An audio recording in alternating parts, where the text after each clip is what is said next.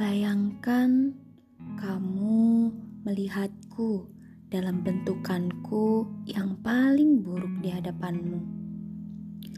Barangkali kamu bisa mulai dari aku yang mudi atau mendadak sedih, kemudian menangis tanpa sebab.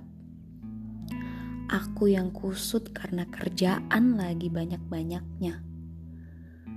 Aku yang suka menanyakan pertanyaan yang sama ribuan kali, dan kamu harus jawab dengan konsisten. Atau aku yang seiring berkurangnya usiaku setiap tahunnya akan menambah daftar garis-garis penuaan di wajahku. Dan semua yang tak lagi menarik untuk kamu tatap setiap harinya. Hmm, barangkali satu waktu juga kamu akan menemui jerawat muncul di wajahku. Dan bayangkan lagi kalau aku sedang sakit dan cuman bisa mewek-mewek all day long sampai aku sembuh. Oh, atau cerita tentang masa laluku sebelum ada kamu. Berapa banyak kegagalan yang sudah kulalui dalam perjalanan hidupku.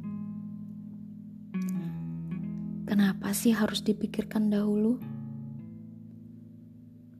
Karena kalau kita melihat orang dari sisi baiknya saja, kita pasti akan bisa menerima dia dan mau membersamainya dalam jangka waktu yang tak sebentar.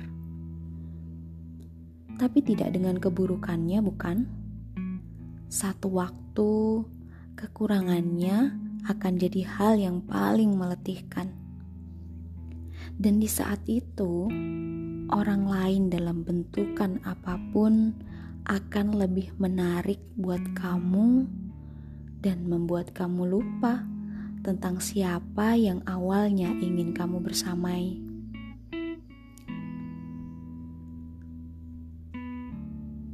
Setelah kamu pikirkan, lalu putuskanlah untuk tetap tinggal atau meninggalkan. Karena untuk bisa bersama itu mudah. Yang sulit adalah bisa menjaga komitmen untuk tetap bersama dengan segala lebih beserta kurangnya. Tetap saling pandang dengan cinta yang sama, melewati suka, duka, dan pahit getirnya kehidupan yang sementara. Membersamai dalam taat dan iman yang sama pun mendampinginya dengan segenap jiwa. Untuk menjadi teman itu mudah, tapi tidak semudah ketika memutuskan untuk menjadi teman hidup. Maka putuskan untuk sekedar jadi teman atau teman hidup.